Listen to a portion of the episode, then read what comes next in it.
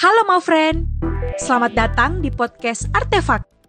Kali ini kita akan membahas berbagai topik penelitian dari para peserta program Menghambur Menyigi Sekapur Siri.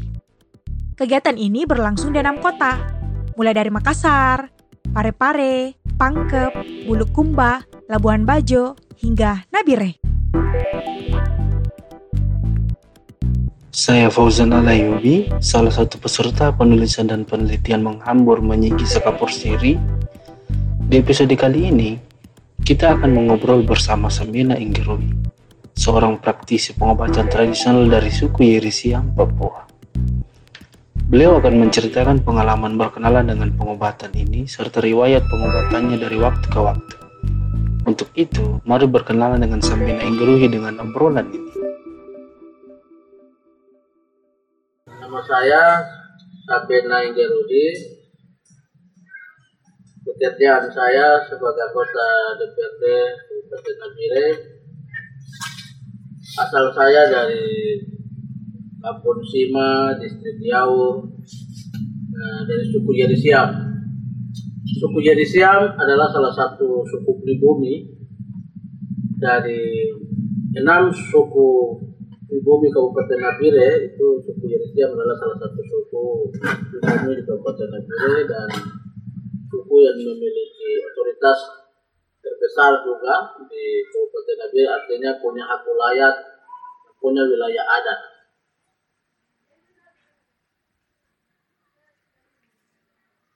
Seperti pada umumnya masyarakat tradisional itu mereka memiliki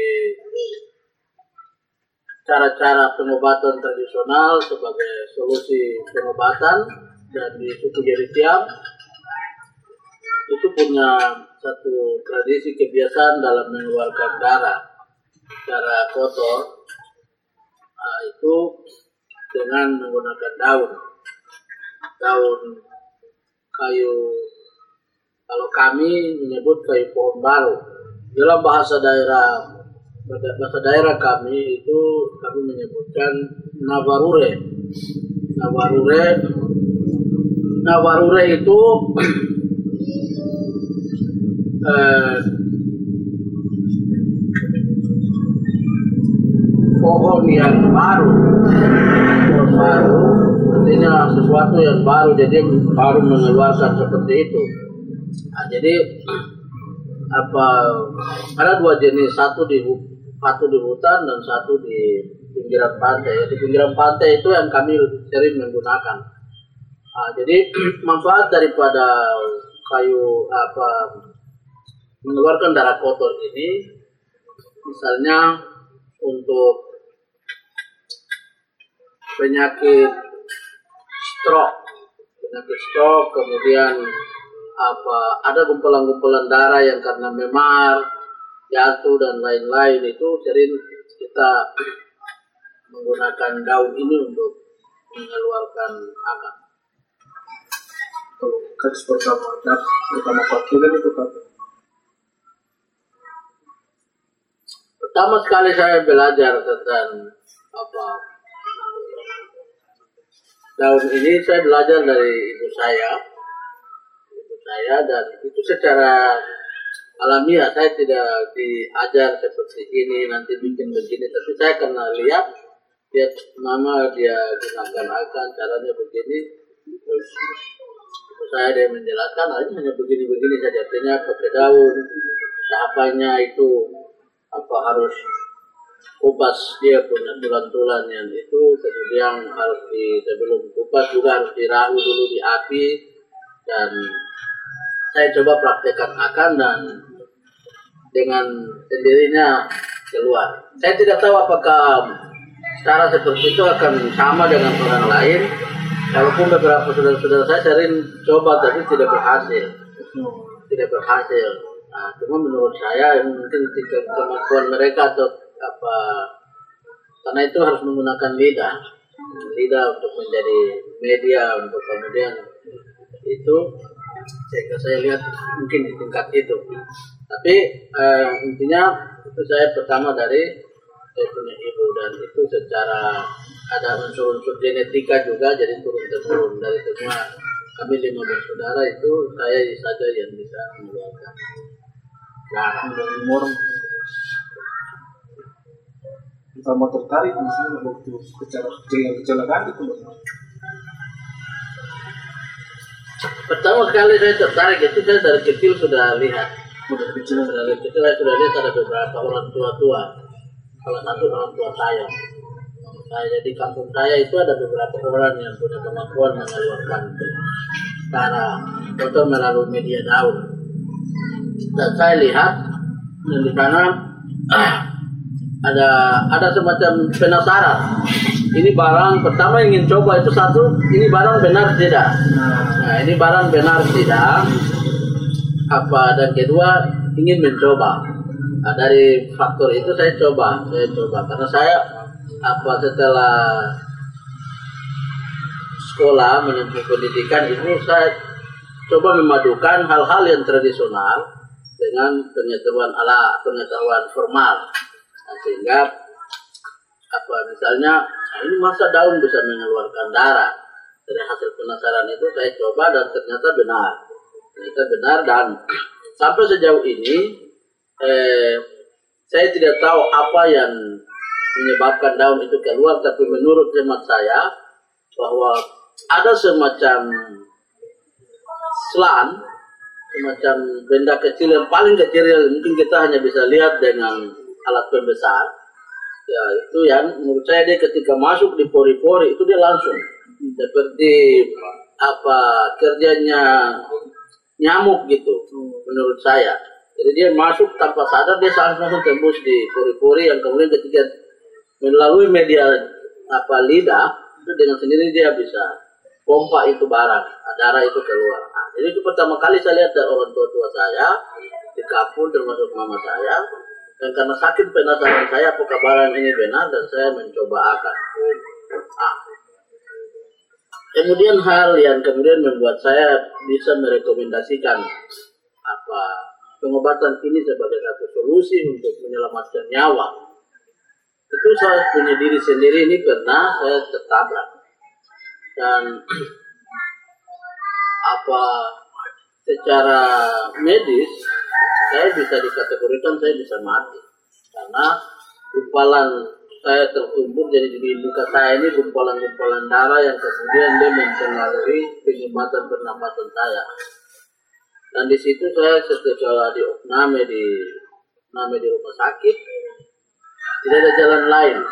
Artinya medis sendiri juga apa untuk mengeluarkan darah kotor agak susah untuk dengan ini nah, satu jalan saya punya ibu satu mama ini pakai daun itu. Dan itu hampir tiga hari berturut-turut itu darah kumpulan-kumpulan darah yang tadinya sampai di punya rongga hidung dan saluran pernapasan di hidung itu kembali itu dikeluarkan dan akhirnya eh, kebetulan saya dari kejadian itu dan kejadian itu kemudian memotivasi saya untuk apa mempelajari ilmu itu dan itu beberapa kali ada saudara-saudara saya termasuk saya sendiri di tangan dan seperti saya juga praktekkan beberapa hari lalu.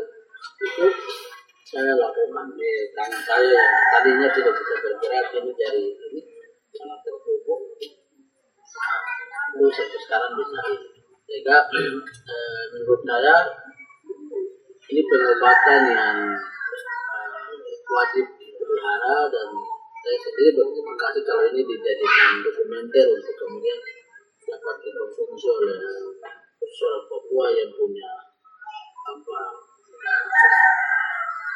kemampuan untuk menjaga pengobatan ini bisa jadi motivasi. yang pernah diobati siapa Saya sendiri sudah mengobati beberapa orang. Ada ini adik saya di sebelah juga pernah saya obati dia. Pernah main bola kan? Main bola bola masih SMP, SMA. Ya, kaki kaki kan? Kaki kan? Lutut, Gilir. miliar. Kita tidak bisa bergerak dan kemudian saya lihat dia punya kaki, lutut sudah sudah kembali. Ya, kalau kita katakan 100% mungkin tidak, tapi eh, dari kejadian yang misalnya sampai lutut itu tidak bisa. Pokoknya yang unsur-unsur terkilir dan darah mati yang apa menyebabkan apa urat-urat tidak bisa berfungsi itu saya jamin dengan pengobatan tradisional itu dia akan kembali begitu seperti biasa. Karena pengalaman darah kotor ini kalau dia tinggal lama itu dia akan mempengaruhi tulang di usia-usia tertentu macam kaki, jadi apa itu situasi dingin itu biasa kadang dia paling itu kita keluarkan dan itu saja ya. Jadi untuk beberapa orang langsung mengobati banyak orang, banyak orang. Ah, berhubung beberapa tahun terakhir ini penyakit-penyakit yang kemudian dapat tertular lewat media darah dan lain-lain macam HIV terus kembali seperti corona yang baru terbaru ini kemudian saya membatasi diri untuk ini. Apa praktekan itu dan juga memang sejauh ini di kalangan saya di kalangan kita kita tidak macam mengkampanyekan diri saya bahwa saya ini bisa apa itu tidak jadi ya saudara-saudara yang tahu saya seperti itu sudah sering mereka datang saya jelas ya. Jadi di praktek tidak aspek-aspek lain misalnya menyangkut spiritual gitu. Tidak ada. Saya awalnya tadinya dari awal untuk apa namanya ya berpikir bahwa ini ada unsur medik, ada unsur spiritualisme dan lain-lain, ada paham-paham seperti begitu. Tapi ternyata setelah saya pelajari, ya kan tidak ada sama sekali, tidak ada unsur itu sama sekali. Nah, itu yang kemudian awal saya itu ah ini bahan benar tidak jangan sampai mereka apa tipu-tipu saja ini macam ini atas setelah saya pelajari kan tidak ada jadi dia punya kunci itu saja pertama air garam kapur dan daun itu kemudian lidah itu saja Nah, jadi siapa saja yang bisa mau pelajari tentang ini dengan cara itu saja bisa saya yakin bisa termasuk Kalau di Namira sendiri daun banyak, tumbuh di mana tuh? Kalau di untuk daun yang di pantai banyak. Di pantai sepanjang pantai pasti ada. Sepanjang pesisir itu pasti ada. Selain memang selain obat dong pakai jadi kenapa? Kita tahu Daun pohon baru ini selain obat, selain obat untuk mereka pakai ini, kita biasa bawa daunnya untuk rebus, rebus rebus untuk mandi, untuk orang sakit. Nah, biasa kalau ada orang-orang sakit yang menurut mereka dia kena sakitan-sakitan eh, adat tuh, sakitan-sakitan adat dan lainnya sakitan adat itu ya. Unsur-unsur ilmu-ilmu itulah. Sakitan adat itu biasa ada orang bawa mandi. Bawa dia pakai bawa daunnya. Gitu. direbus lalu dipakai untuk mandi. Selain manfaatnya untuk itu wajib kali orang. Itu satu. Yang kedua eh, mereka biasa karena dia di pesisir mereka biasa apa? Lihat dia untuk jadi tanda musim. Tanda musim. Jadi misalnya ini musim petelur petelur penyu. Itu biasa mereka lihat kalau dia sudah lagi musim berbunga itu berarti musim petelur penyu itu sudah sudah ada jadi selain manfaat yang tadi biasa untuk pakai untuk pengobatan tapi juga untuk bisa membaca musim musim penyu kan musim petelur begitu sekarang praktisinya masih banyak kan? untuk pengobatan tradisional terkait untuk apa? Darah sudah berkurang. Di kampung saya itu tidak ada mungkin saya sendiri. Saya sendiri yang lagi pelajari lagi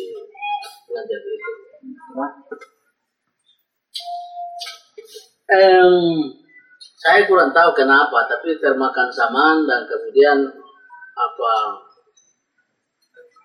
itu juga tidak semua orang bisa lakukan. Jadi mungkin dengan sendirinya tidak ada ketertarikan bagi generasi yang ini. Yang paling yang paling pertama itu mungkin itu. Tidak ada ketertarikan bagi generasi-generasi yang baru ini untuk mau apa melestarikan budaya itu. Agak untuk akhir-akhir ini memang sudah berkurang sudah berkurang di dalam khusus di kampung saya sebagai contoh di kampung saya. Tapi di beberapa wilayah Papua menurut saya mungkin masih ada. Oh, ini bukan cuma siapa ya? bukan cuma di Siam saja. Jadi pengobatan apa tradisional ini dia hampir me- merata di di Papua. Tapi kalau di Islam nggak kayak cuma kata kamu. Di kalau di Jerisiam untuk Jerisiam Utara mungkin apa generasi saya saya sendiri. Di atas saya sudah tidak ada. Tentu ada macam seperti mama saya cuma faktor gigi juga. Oh, Nah, karena kalau gigi sudah patah, dia punya apa? Lidah, kekuatan lidah itu sudah tidak kuat untuk menarik itu darah. kalau punya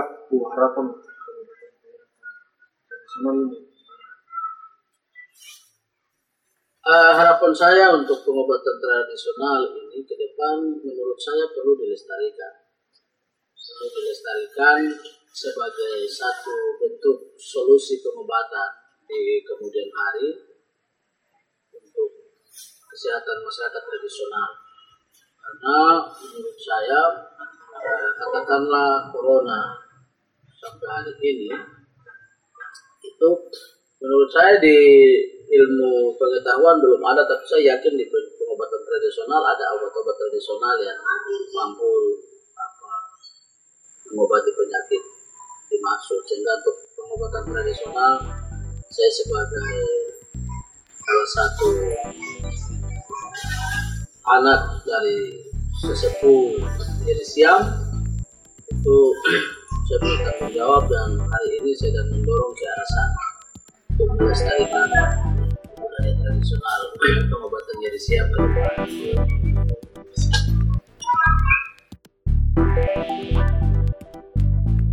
Terima kasih sudah mendengarkan obrolan podcast kami.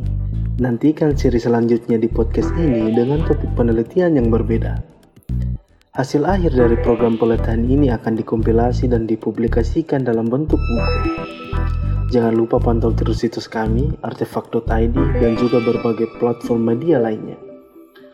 Program ini didukung oleh Makassar Binel, Tanah Indi, dan Gute Institute.